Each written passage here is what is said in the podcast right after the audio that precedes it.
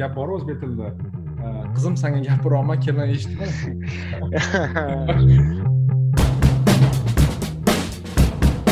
слишком такой dogmatичный o'ylashyaptida ha oshiryapti by default ya'ni nima deydi o'zbekchasiga default? Ya'ni hozir boshdan qaytarib yuboringda mana shunda bu joyi kesib tashlaymiz uncha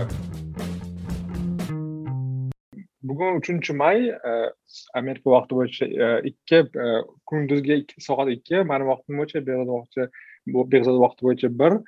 Va masalan nima haqida gaplashsak bo'ladi? Oxirgi haftalarda amerikada bo'layotgan dolzarb mavzu judayam judayam har xil ko'p va yana bir bor qaytaraman. Biz oldindan mavzuni tanlamadik agar sizdan so'rasam behzod masalan kundalik kunda yoki onlayn hayotda ham ko'p turgan bo'lsangiz qaysi mavzu hozir sizga masalan dolzarbroq bo'lib ko'rinyapti amerikadagi shu jamoatchilik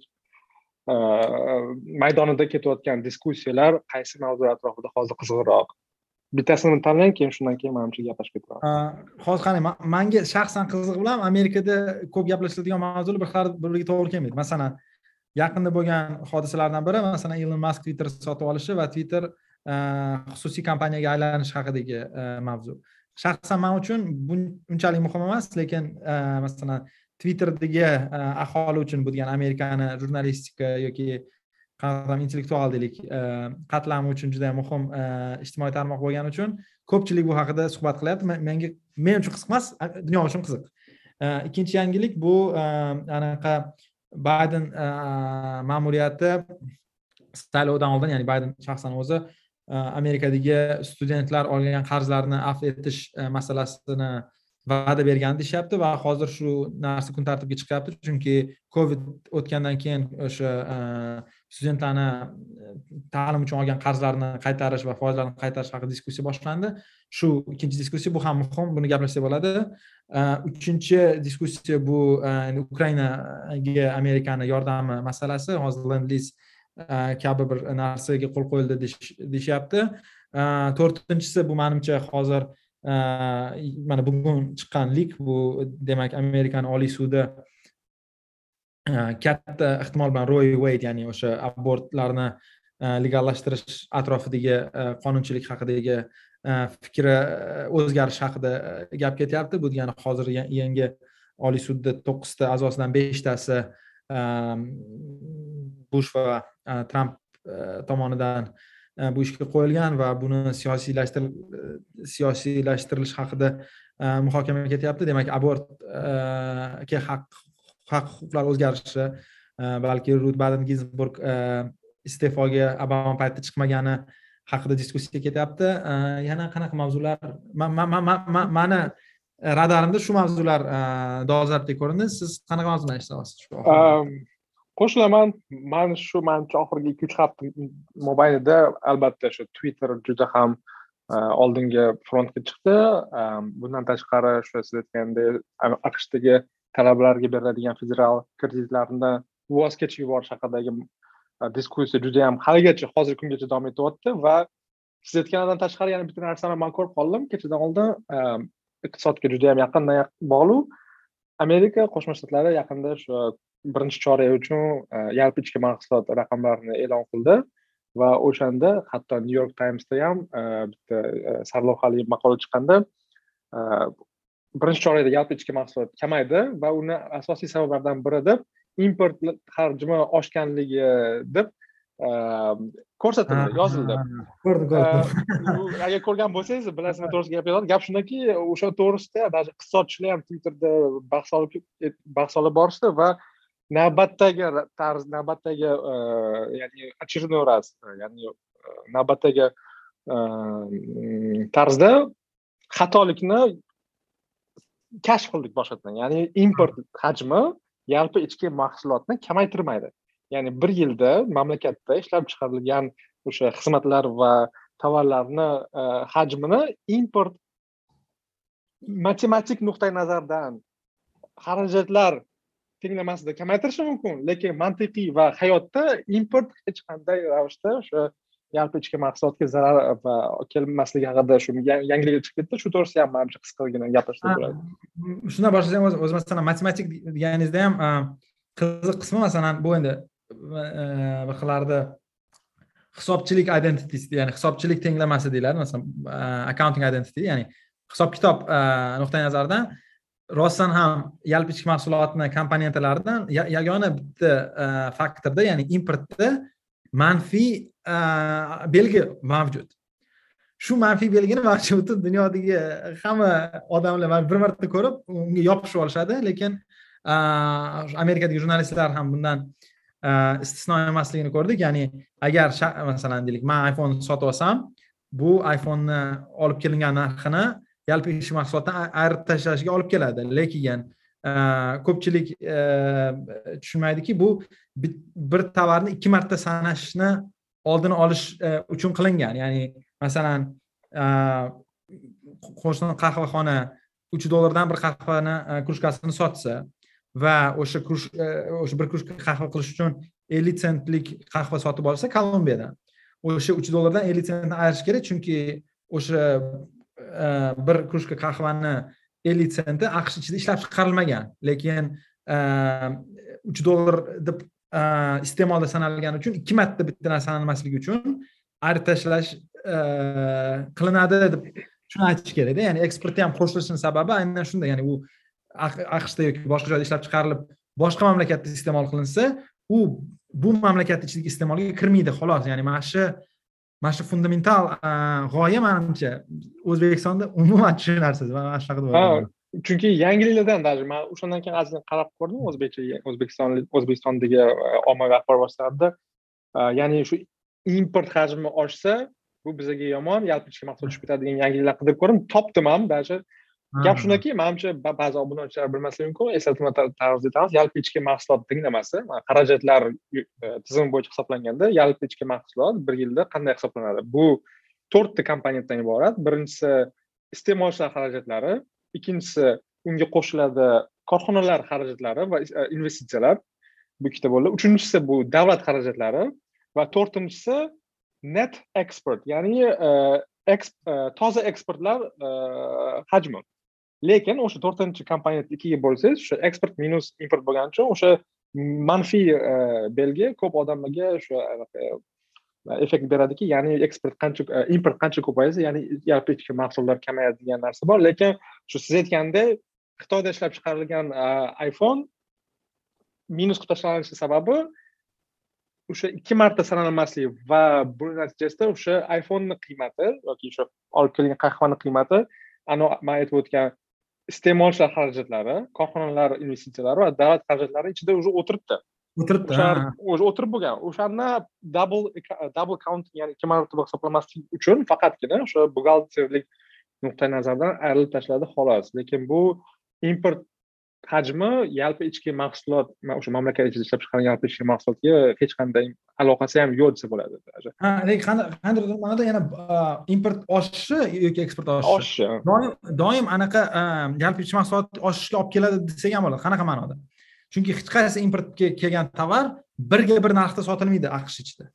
Ya'ni masalan deylik agar siz nimanidir chet eldan olib kelib turib ustiga qo'yib sotsangiz siz anavi qo'shimcha qiymat yaratyapsizda. Masalan qahvani ellik sentdan olib kelib uch dollarga sotsangiz uch dollarlik iste'mol yaratyapsiz ellik sentlik import yaratyapsiz. Demak iste'mol o'sha ikki yarim e, dollarga oshgan bo'ladi boshqa xarajatlari bo'lmasa qahvani ishlab chiqarishda hozir bunga kirmaylik. Ya'ni aytmoqchi bo'lganim importni judayam ko'p import bo'lib ketsa bu baribir ham kimdir foyda qiladi importdan bu degani yalpi ichki mahsulot oshadi. Degani kimdir importdan masalan shakar olib kelib turib undan пирожный qilib sotsa bu qo'shimcha mahsulot yaratyapti lekin shakar olib kelib shakarchalik sotsa ham baribir qo'shimcha qiymat yaratiladi. Chunki hech qaysi shakar e, olib keladigan importchi e, tekinga bu ish bilan shug'ullanmaydi. Ya'ni u u qiladigan foyda baribir e, plyusda ya'ni import keskin oshib ketishi ham albatta daromadlarni oshishiga olib keladi desak bo'ladi. Yana ikkinchi narsa manimcha mana shuni anaqa oxirigacha olib borishga hozir aytdingiz ikki sanash.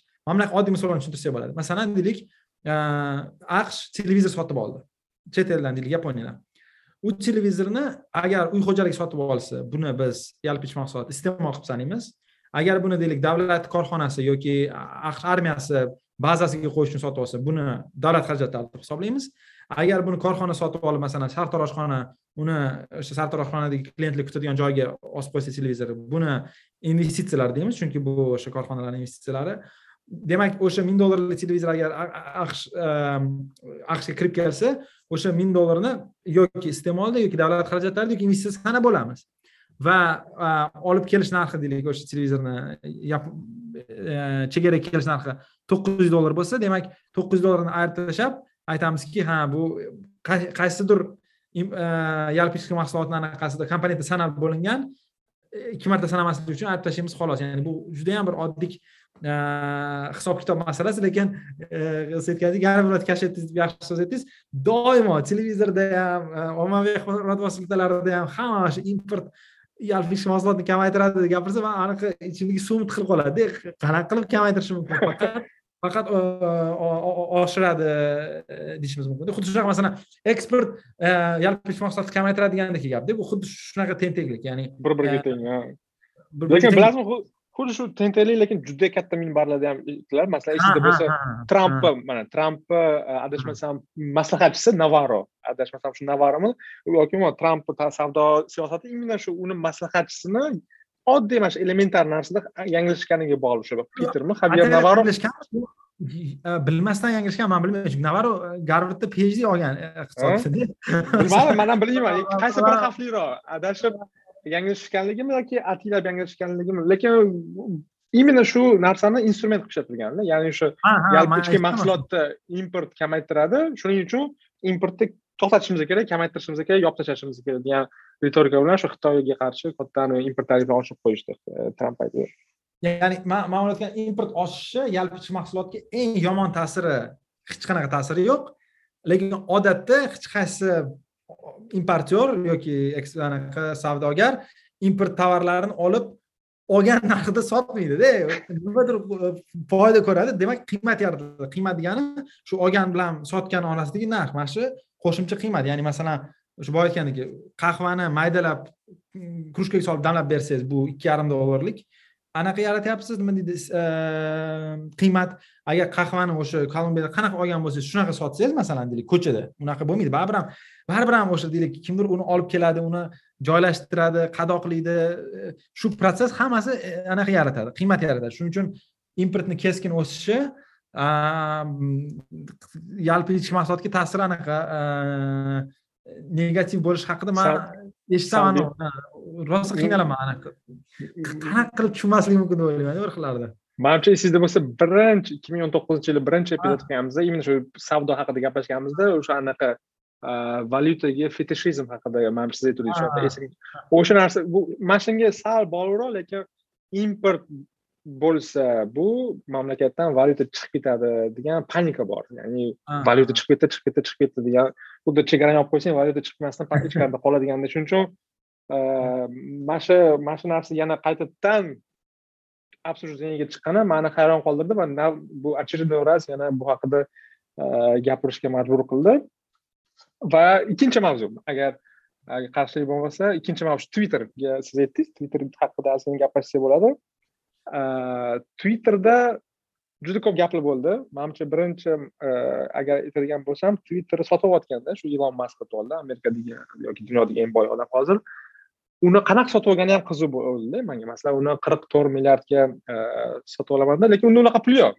Biza bilamiz hamma biladi ilon mask dunyoda eng boy odam lekin unda hech qanaqa likvidlik yo'q. Masalan qanchadir qanchadir milliard likvidlik nimaligini ham aytib keting ya'ni qo'lida naqd pul yo'q deylik o'zbekcha qo'lda qo'lda naqd pul yo'q kash yo'q qo'lida naqd pul yo'q. Ya'ni man twitterni bugun sotib olaman degani bu man twitterni sotib ololmayman degani emas. Va u sotib olib ololmaydi ham lekin oxir oqibatda sotib oladigan bo'ldi lekin sotib ololmaydi deganda nimaga? Qo'lida bir ikki milliard dollar bor deylik E, naqd pul. Man o'ylayman bir ikki milliard dollar bor chunki bir ikki milliard deganda uch yuz millionlab soliq to'lagan bo'lardi undan ham kam mayli undan ham kam deylik bir bir bir ikki million dollar naqd puli bor deylik lekin uni to'qson to'qqiz nuqta to'qqiz foizi boyligi e, likvid emas. Ya'ni uni boyligi o'sha teslani o'n to'qqiz yoki yigirma foiz e, egaligi sherikchiligida qolgani o'sha e, boshqa korxonalarga va hokazo va hokazo. U ilon mask twitter sotib olish uchun birinchidan o'sha tesladagi shu yigirma foiz teslaga egalik qilgan bo'lsa tesladagi qaysidir miqdordagi aksiyalarni garovga qo'yib bir qancha banklardan kredit olyapti. Hmm. va kredit olish e, evaziga o'sha twitterga e, ya'ni o'sha amerikadagi qimmatli qog'ozlar e, regulatoriga ko'rsatib berdi. Mana man shu aytgan gapimga доказательство isbot sifatida likvidlikni ta'minlab bera olaman dedi. Ya'ni lekin bu ikkinchi narsasi manga qiziq bo'ldi. Bitta teoriya bor. Bu degani ilon mask o'z o'zidan teslani aksiyalarini qaysidir miqdorda sotishga majbur bo'ladi degani. Va bu strategik nuqtai nazardan juda ham yaxshi. Unga nimaga? Chunki tesla hammamiz bilamiz siz ham bilasiz ko'pchilik balki bilmasligi mumkin ko'pchilik juda ham overvalue ya'ni teslani hozirgi sakkiz yuz yoki to'qqiz yuz dollarligi narxi kelajakdagi kutilmalarni ko'rsatsa ham lekin e, bozor ishtirokchilari biladi juda yam narxi baland va ilon mask sotolmaydida teslani narxini. E, aksiyasini chunki e, sotolmaydi chunki aqshda agar siz public company ya'ni jamoat korxonasini egasi korporativ egasi bo'lsangiz ya'ni qaysi masalan shu shu korxonada ishlaysiz lekin uni katta lavozimda ishlasangiz sizdagi aksiyalaringiz sotilayotganda yoki siz olayotganingizda siz e, отчет berishingiz kerak shu aqshdagi e, regulatorga va u отчетlar e, odamlar ko'ra oladi investorlar ko'ra oladi. Har safar qandaydir katta korxona har qanday korxonani katta egasi qanchadir aksiyasini sotayotgan bo'lsa ertasi kuniyoq biz bilishimiz mumkin. Kim sotyapti kim sotmayapti. Masalan ilon maskka ukasi teslani qachon sotsa aksiyasini qandaydir qismini sotsa bozorlar biladiki bu demak ukasi e, yoki mask o'zi teslani e, narxi hozir keragidan ko'ra balandligini bilgani uchun sotyapti degan e, kutilma paydo bo'ladi. Shuning uchun hozir ilon mask o'zidan o'zi ertadan o'ttiz milliard dollarga teng bo'lgan aksiyalarni sotib yuborsa investorlar ishonchi teslaga tushib ketadi aksiyasi tushib ketadi va va hokazo va hokazo shuning uchun aksiyani sotish yana bir yo'li o'ylab topilgan yo'li balki shu twitter bo'lishi mumkin. Twitterni sotib yubyapti teslani narxini sotgandan keyin lekin eh, mana shu teoriya ham eh, bir eh, entertain qilishibdi. O'zi mana shu haqida hozir ilon mask bu yerda nafaqat teslani eng katta aksiyadori balki teslani xodimi hamda shu qismi ham bor. Ya'ni xodimlar narsa sotsa siz aytganingizdek demak teslani kelajagiga u xodim o'zi ishonmayapti degan noto'g'ri signal ketishi mumkin bozorga. Shunaqami to'g'rimi? Xuddi xuddi shunaqa. Chunki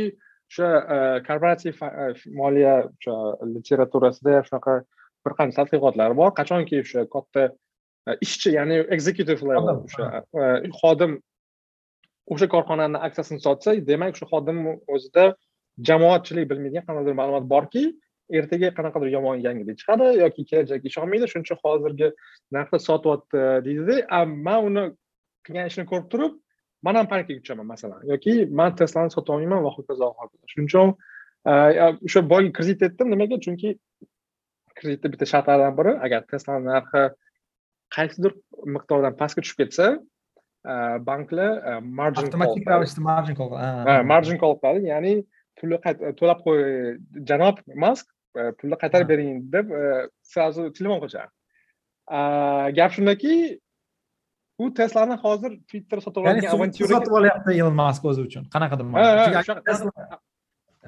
agar teslani volatilligi twitterdan kamroq bo'lsa demak qanaqadir sug'urta polisi desak bo'lar ekanda. Shunaqa desa ham bo'ladi именно shuning uchun mana shu joyi ham qiziq bo'ldi lekin manimcha jamoatchilik ko'proq qiziqqan tomoni boshqa freedom of speech ya'ni dunyodagi eng boy odam so'z erkinligi so'z erkinligini ta'minlar ekan juda yam faol platforma sotyapti ishonmadim boru misol uchun so'z erkinligini ko'paytirishiga ham kamaytirishiga ham. Misol uchun ho'p ilon mask so'z erkinligini ko'paytirmaydi. U masalan deylik hozir amerikada so'lda muttaham tadbirkor puli ko'p e, boy va oligarx va u hozir anaqa e, kommunikatsiya anaqasini ushlab turibdi. Buni man emas masalan e, kongressmenlar ko'pi senatorlar ham buni masalan aocdan tortib boshqa senatorlar ham aytyaptiki mana bu oligarxat agar ular deylik axborot tarqatilish vositalariga ega bo'lib qolishsa unda nima bo'lar ekan bizga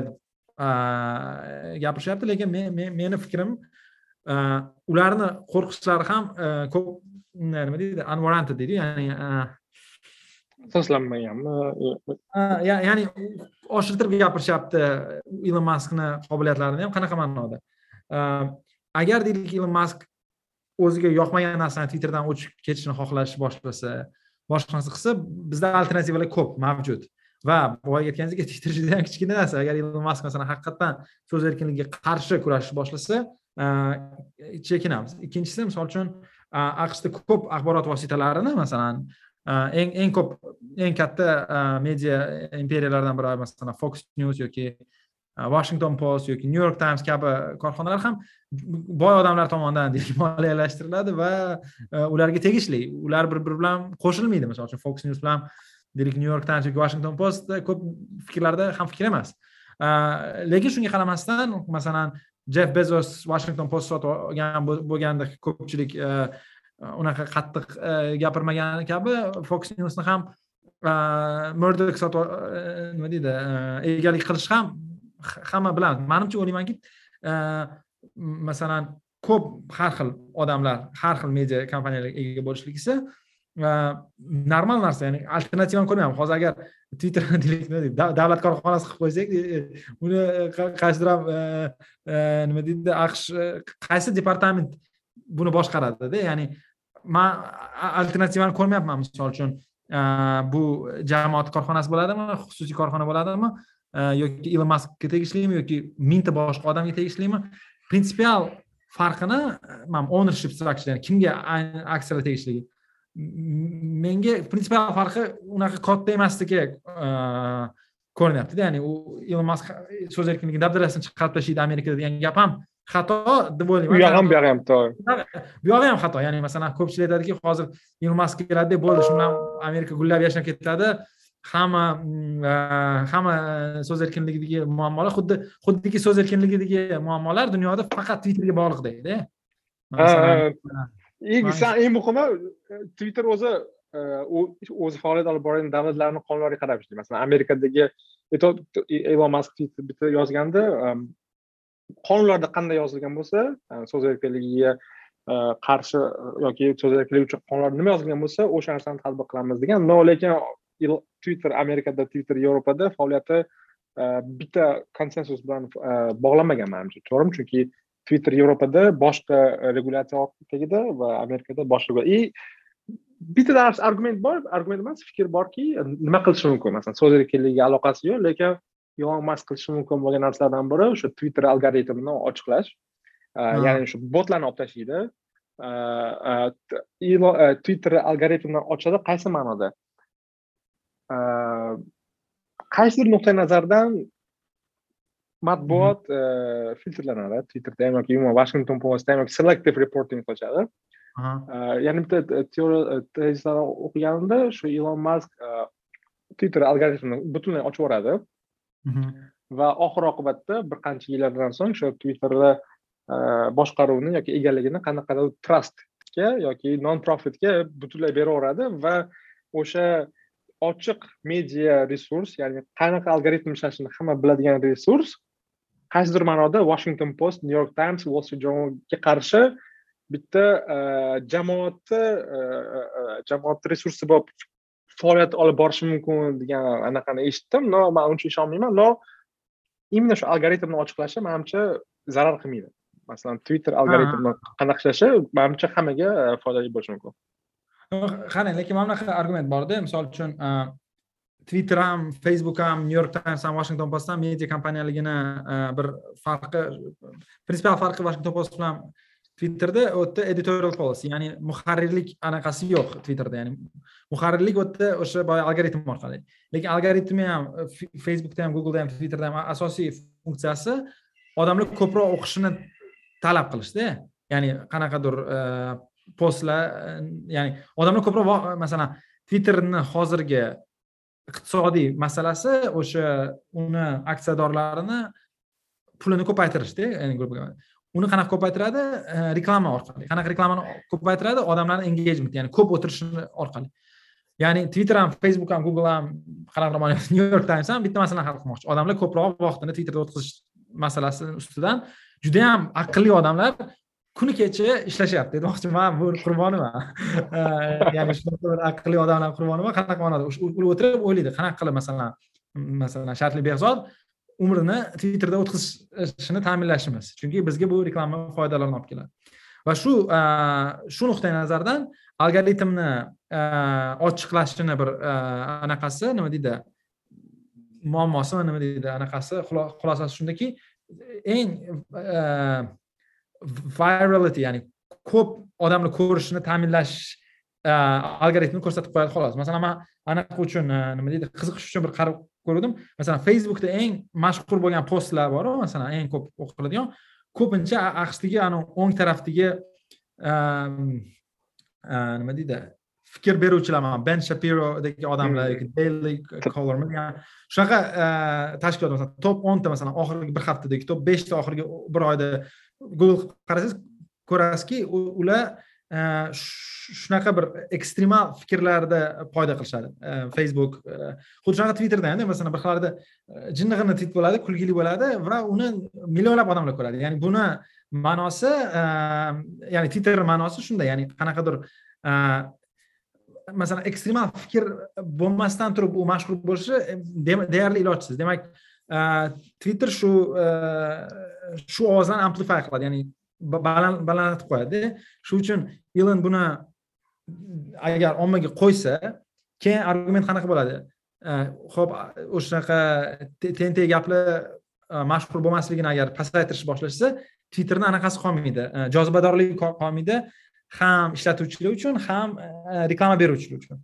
Shuning uchun man o'ylayman agar ilon maskni twitterga nisbatan tijoriy anaqalari bo'lsa nima deydi ambitsiyalari bo'lsa mana shu masalada sal qiynalib qolishi mumkin o'zi ya'ni hozir shunaqa deyapti lekin ertaga nimani maksimallashtirishadi agar anaqa nima to'g'ri yo'q to'g'ri siz aytgandek o'sha har qanday korxonani shaklidan qat'iy nazar shaxsiy yoki ommaviy bo'lishidan qat'iy nazar o'sha egasiga qaytarma qaytarish va so'z erkinligi orqasida ilon mask oddiy maqsadi turgan bo'lishi mumkin va turgan ham ya'ni o'sha masalan agar tijoriy maqsad turgan bo'lsa man judayam anaqaman nima deydi qanaqa desam ekan? Farqi yo'q ya'ni man roziman deydi mingdan ming roziman agar tijoriy maqsadi bo'lsa. Lekin tijoriy emas maqsadi bo'lsa bu pul yoqish bo'lib qoladi. Agar masalan ilon mask ham yomon bir siyosiy maqsadi bor nimadir qilmoqchi bo'lsa deb o'ylayman u uchun yetarli emas twitter o'zini egallashda ya'ni qarang masalan ikkita ssenariy bor. Ilon mask yaxshi yoki yomon deylik masalan. Yaxshi desak unda tijoriy maqsad twitterdan pul qilish kerak. Unaqa bo'lsa unda qanaqa bo'lgan bo'lsa shunaqa qoladi bu o'zgarmaydi. Endi deylik ilon mask yomon odam uni siyosiy maqsadlari bor amerikani onglarini egallab olmoqchi unaqa bo'lsa u twitter agar o'zgartirish boshlasa u e, yutqizib qo'yadi boshqa media kompaniyalarga. Yutqizib qo'ygani natijasida uni ham rozimiz mayli uni uni qirq milliardi ketdiku to'g'ri teslani aksiyadorlariga sal yomon ta'sir qilishi mumkin marjin ko'p bo'lib qolsa. Lekin umuman olganda bu ham bizni muammo emas. Ya'ni e, nima demoqchimanki qanaqa? Twitterni ilon mask sotib olishi twitterda eng katta muammo bo'ldi. Lekin masalan dunyoda bu e, unchalik katta bir muammoga olib kelmaydi. Xuddi boyagi jeff bezos washington post sotib olgandek narsa. E, Xususan o'zbekistonda. Chunki aytib o'tishimiz kerakki o'zbekistonda twitter haligacha bloklangan. O'zbekistonda twitter bloklanganligi manga juda yam g'alati ko'rinadi. Manda masalan man twitterga kiraman manda juda yam e, e, twitter bilan qanaqa desam ekan? Love hate relationship ya'ni e, yaxshi ko'raman ko'p vaqt o'tkazishni lekin yomon ko'raman ko'p vaqt o'tkazishni o'shanga ham lekin bitta narsaga hayron qolaman o'zbek twitterda odam ko'p emas. Masalan manda statistika yo'q lekin judayam anaqa hayratlangan bo'lardim. Agar twitterda misol uchun o'n mingta odam o'tirsa o'zbekistonda. Mana. Undan ko'p bo'lsa kerak. Undan ko'pmi? Chunki bir kunda bir kundaga aktiv yuzerlar deyiladiku anaqa umuman mavjud yuzerlar emas. Manimcha undan ko'p даже bloklangan sharoitda ham manimcha ha o'zbekiston ichidan o'tirib orqali kiradigan odam aytyapsiz to'g'rimi? Ha ha yaxshi savol endi twitter manimcha twitter foydalanuvchilari hozirgi mavjud foydalanuvchilar anchadan beri bor mavjud foydalanuvchilar bo'lsa kerak. Twitter bilmadim yaxshi savol. Man twitterda man o'zbekistondaligida ham twitter ko'p ishlatmasdim именно o'zbekistondan amerikaga kelgandan keyin twitter ko'proq ishlatishni boshladim. O'zbekistonda hech qanaqa manda exposure bo'lmagan twitterga unaqa hech ehtiyoj ham bo'lmagan deb o'ylayman manimcha. Instagramda там to'rt milliontami yuzer borda o'zbekistonda. Aktivniy twitterda bunaqa raqamlarni o'ndan biri ham yo'qda manimcha. Ho'p deylik to'rt yuz mingta yo'qligiga ishonasizmi yo'qmi? To'rt yuz mingta yo'qligiga man ishonaman. To'rt yuz mingtadan ancha kam. Bu degani instagram o'n foiz ham emasda. Ya'ni judayam kichkina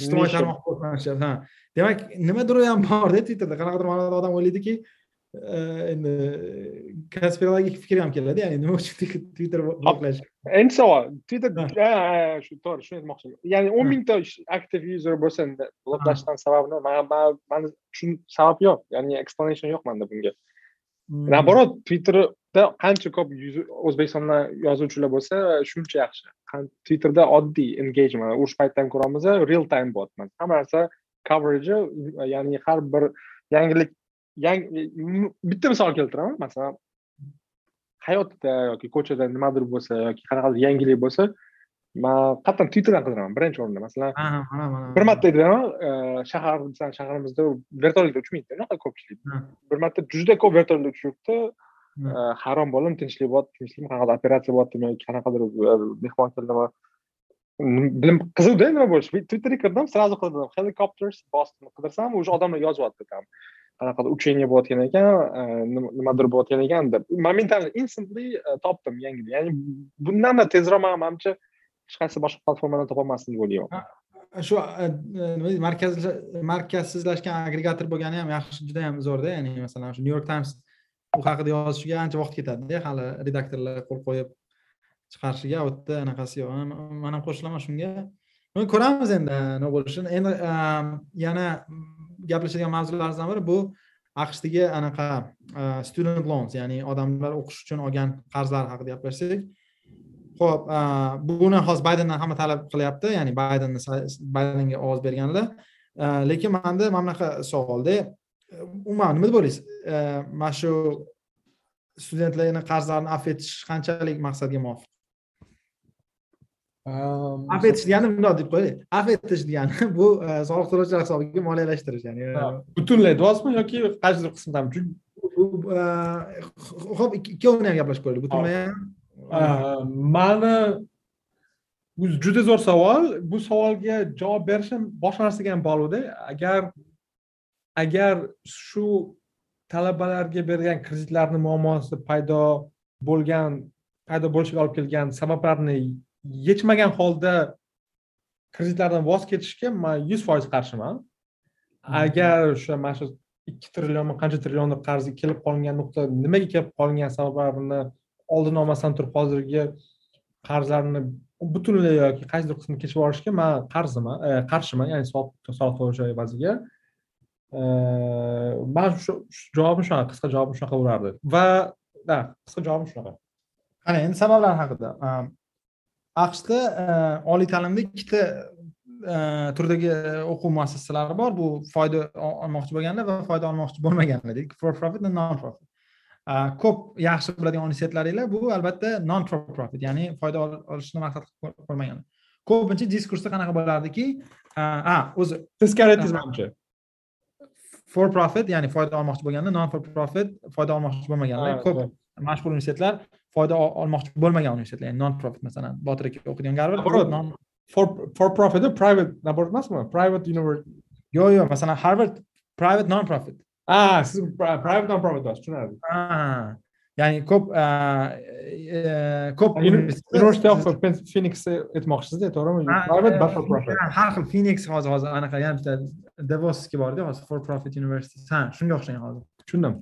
Profit university university devray devray yani devray chikagoda mana shu hamma yoqda xullas shunaqa ikkita turdagi bor edi umuman olib bitta narsani aytish kerak qanaqa qilib bu krizisga aqsh kelib qoldi lekin ko'p aqshliklar buni tan olgisi kelmaydi birinchisi bu oldin endi universitetlar qimmat edi har doim unaqa arzon emas edi hech qachon odamlar universitetlarga kirardida va qarz olish kerak edi qarz olish uchun ko'p narsa talab etiladi. Masalan hozir o'zbekistonda boshqa joyda bankka borsangiz aytadiki siz qanchalik bu qarzni to'la olasiz? Qancha nima u sizda bor? Misol uchun uyingiz bormi? Moshinangiz bormi? Nimani buni collateral ya'ni to'lamasangiz garantiya kabi zalog. qilib qo'ya olasiz deb qarab oddiy oddiy kreditga o'xshagan narsa edi. Ya'ni bank o'rganib chiqardi.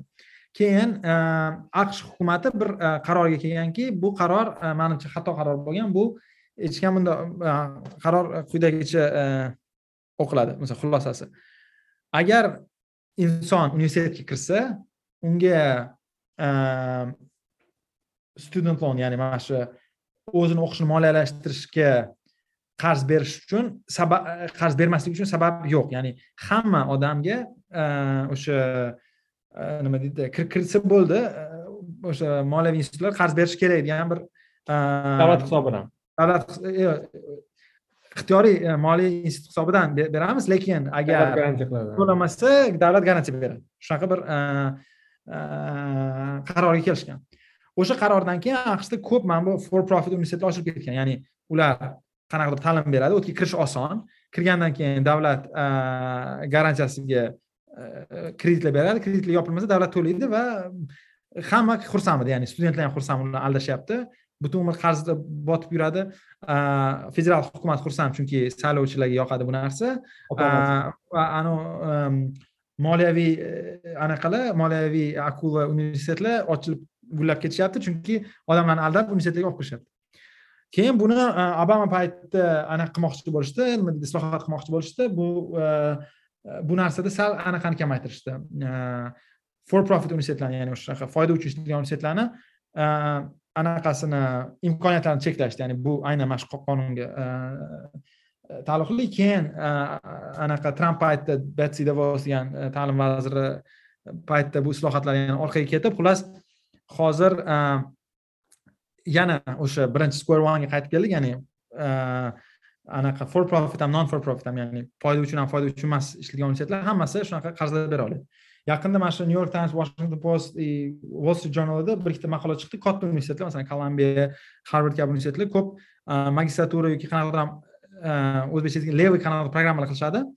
E, u programmalarda onlayn bir xillarda bo'ladi bir xillarda offlayn juda katta pul to'latirishtirishadi masalan jurnalistika masalan north western zo'r universitet kolumbiya jurnalistikasi bittasi o'sha wall street journaldagi bir anaqa maqolada bir odam aytyapti man jurnalistikaga kirdim masalan uch yuz ming dollar qarz oldim ikki yillik magistraturaga va hali ham to'lay olmayapman deyaptida endi ochig'ini aytganda. Bu degani misol uchun uch yuz ming dollar to'laysiz va jurnalist bo'lib ishlasangiz aqshda jurnalistlar kam pul to'lashadi masalan ellik ming dollar topadi topsa nyu yorkda yashasa o'n ming dollarini ham to'lolmaydi xullas butun umr o'ttiz qirq yil o'sha ikki yil o'qigan magistraturasiga butun umr to'lab yuribdi. Ya'ni bu qonunchilikdagi probeldan anaqa eski juda yaxshi aqshning institutlari masalan boya aytgan kolumbiya garvard northwestern kabi universitetlar foydalanib yana odamlarni qanaqadir ma'noda aldashyapti.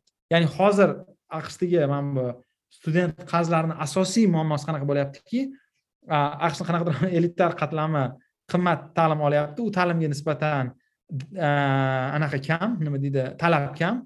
Talab kam bo'lgani uchun u yerda moliyalashtirish qiyin lekin faqat odam o'zi hisobidan moliyalashtiradi o'zi hisobidan qarz olib moliyalashtirib inqirozga olib kelyapti. Mana shu muammoni hozir qarzdan voz kechish orqali yechmoqchi man o'ylaymanki mana bu qarzga garantiya berish bu yaxshi niyatlarda masalan ta'limga qarz garantiya berish ham yomon to'g'ri bu juda yam anaqa eshitilyapti. Nima deydi? Qanaqadir ham nima desam ekan грубо nima bo'ladi? Qo'pol. Qo'pol qanaqadir eshitilyapti masalan odamlarga o'qishga qarz bermaslik. Lekin boshqa tarafdan biz rag'batlar haqida o'ylashimiz kerakda. Anaqalarni garantiya qilish boshlagandan keyin zalog davlat katta universitetlar nima qiladi? Qimmat programma yaratadi. Chunki baribir odam o'zi to'lamaydi. Kirish oson. Kirish oson qilib qo'yadi. Kirish osonmi qiyinmi u ham уже farqi yo'q. Ya'ni man hozir aytyapman kirish oson muammosi bor edi undan oldin for profit phoenix devraylar bor edi hozir kirish yetarli darajada qiyin universitetlar ham borda. Ular o'sha o'zini e, diplomini e, sotmoqchi bo'ladi prestij uchun. Lekin u diplom bilan pulni orqasida korrelyatsiya ko'p emas. Ya'ni ular ko'p pul topolmaydi u joylarni bitirib. Lekin bu haqiqatni u studentga hech kim aytmaydi. Ya'ni bilmaydi ham student o'zi bilmaydi ham bilmaydi ham. student o'zi ham bilmaydi. Bundoq aytadi ha yaxshi katta kolumbiyaga kiryapman deydi. Endi kolumbiya oho degan gap bor. A major dabdala ha major deyaptilar bu bu degani ishga kirayotganda hech kim unga ko'p pul to'lamaydi. Lekin u juda yam ko'p e, qimmat qimmatga pul olgan qarzga. Agar bank tizimi normal e, bu narsada shug'ullanganda katta ehtimol agar bank o'zi riskini olganda studentlarga ular aytardiki o'rtoq dedi san buni to'lolmaysan o'shanga biz sanga kredit bermaymiz. Chunki sandagi odamlar masalan buncha pul topadi derdi. Va shuni deyishini bilib universitetlar ham balki narxini tushirardi. Boshqa narsalar qiladi ya'ni universitetlar ham hozir e, mana shunaqa programmalarni anaqa qilib yotishibdi nima deydi ko'paytirib yotishibdi university of chicago masalan dunyodagi eng zo'r universitetlardan biri lekin e, qanaqa mana shunaqa humanity social science programmalar mastersda qilyapti. E, o'sha intervyularda yana ko'rsangiz bo'ladi uch yuz minglab dollar turadi ikki yil o'qish. Lekin o'rtacha bitiruvchisi ellik besh ming dollarlik ishga kiryapti. Bu endi aqsh uchun bu juda kichkina olinglar masalan shu shu nuqtai nazardan o'ylaymanki mana shu mana shu inqirozni asl sabablarini bayden ma'muriyati aniq qilgisi kelmayapti. Qilolmaydi ham manimcha bu butun ta'lim elitasiga qarshi urush kerakda masalan hozir garvarddagi domlalar xatlar yozishni boshlaydi e qo'y senchi deda masalan qo'shlama anaqa manimcha bu oltmishinchi yillardan chiqqan. Ya'ni ancha ellik yarim asrdan boshlab kelgan ha asrdan boshlab kelgan. Manimcha oxirgi yillarda qaysidir yechim kimdir so'rashi mumkin. Bu yechim nima qarshi bo'lish deyishi mumkin. Bir xil universitetlar manimcha purdue boshlab berdi. Income share agreement degan narsa bor. Ya'ni siz aytgandek masalan shu hozir banklarda skin in the game yo'qda masalan bank studentga yiliga ellik minglik bir tiyinga qimmat majorga e, bir tiyin deganda qaysi ma'noda biz aytyapmiz ya'ni karyer prospektlari u kreditni qaytarib berishga yetarli emas. Даже medical schoolga borganlar ham masalan juda katta oylik olsa ham yigirma yil qarzini to'lab yuradida ya'ni e, financial burden bor. И o'sha e, income share agreement degani ya'ni siz bank bilan universitet bank bilan universitet e, shartnoma e, e, kollaboratsiya qiladi va talaba bilan uchta yo'lli shartnoma yoki ikkita yo'lli universitet bilan talaba. o'rtasida qanaqa? Ya'ni talaba kredit qaysi o'qishga kirganda kredit olmaydida qaysidir ma'noda tuishiniga pul to'lamaydi ya'ni o'sha kontraktga pul to'lamaydi lekin sharti qanday? O'sha talaba universitetni bitirib ketgandan so'ng oyliklarini oyiga yoki yiliga qaysidir qismini shu universitetga qaytarib beradi universitet orqali yoki bankka qaytarib ya'ni o'sha universitet va e, talabani o'qishini moliyalashtiradigan bank tizimi o'sha talabani kelajakdagi faoliyati va kelajakdagi e, tushumlariga to'g'ridan to'g'ri qiziqadi. Ya'ni ular manfaatdor bo'ladi manfaatdor bo'ladi ya'ni skin in the game bor degani ular shu talabani nafaqat shu institut eshigidan chiqib ketgandan keyin bo'pti o'rtoq siz chiqib ketdingiz keyingisi kelinglar demaydida именно shu bitirib ketgan talabaga yoki o'qishga kirgan talabaga balki maslahat beradi siz aytgandek birodar mana bu humanities emas balki san boshqa majorda o'qishing kerakdir. Chunki mana shunaqa yo'nalish beradi. Manimcha bu narsa yaxshi yo'lga qo'yildi. Juda ko'p qanaqadir baholarga minimal talablar qo'yish mumkin aytadi. Masalan bunday bahodan kam olsang puling hozir o'rtacha bitirgan odamlarda yaxshi ish topisha olmayaptida ular o'sha shu ham muammo shuning uchun manimcha yechimi bu manimcha yomon emas deb o'ylayman. Yaxshi shu manimcha purdudan chiqdi. Ko'p universitetlar o'ziga tadbiq etyapti ba'zi yechimlardan biri mana shunday lekin e, shu bu muammoni siyosiylashtirilishiga man biroz qarshiman. Ya'ni hozir e, bayden reytinglari kam va ba'zi e, gaplarda ko'p ko'ramiz ya'ni shu именно ovoz beruvchilarni shu orqali sotib olish. Ya'ni bir qancha albatta do'stlarimiz bor bir qancha o'n ming dollarlab qarzlari bor va ular albatta xohlaydi. Qarzini nol qilib yuborishga lekin kim qarz to'lashni yaxshi ko'radi? Hech kim yaxshi ko'rmaydi lekin ich ichida biladiki что bu noto'g'ri narsa. Soliq ertaga nima bo'ladi? Bu xuddi narsa ikki ming yetti ikki ming sakkizda ko'rdik. Chapga o'n yil kredit berishi subprime crisisga olib keldi. Ertaga qaysi sohani yana qutqaramiz?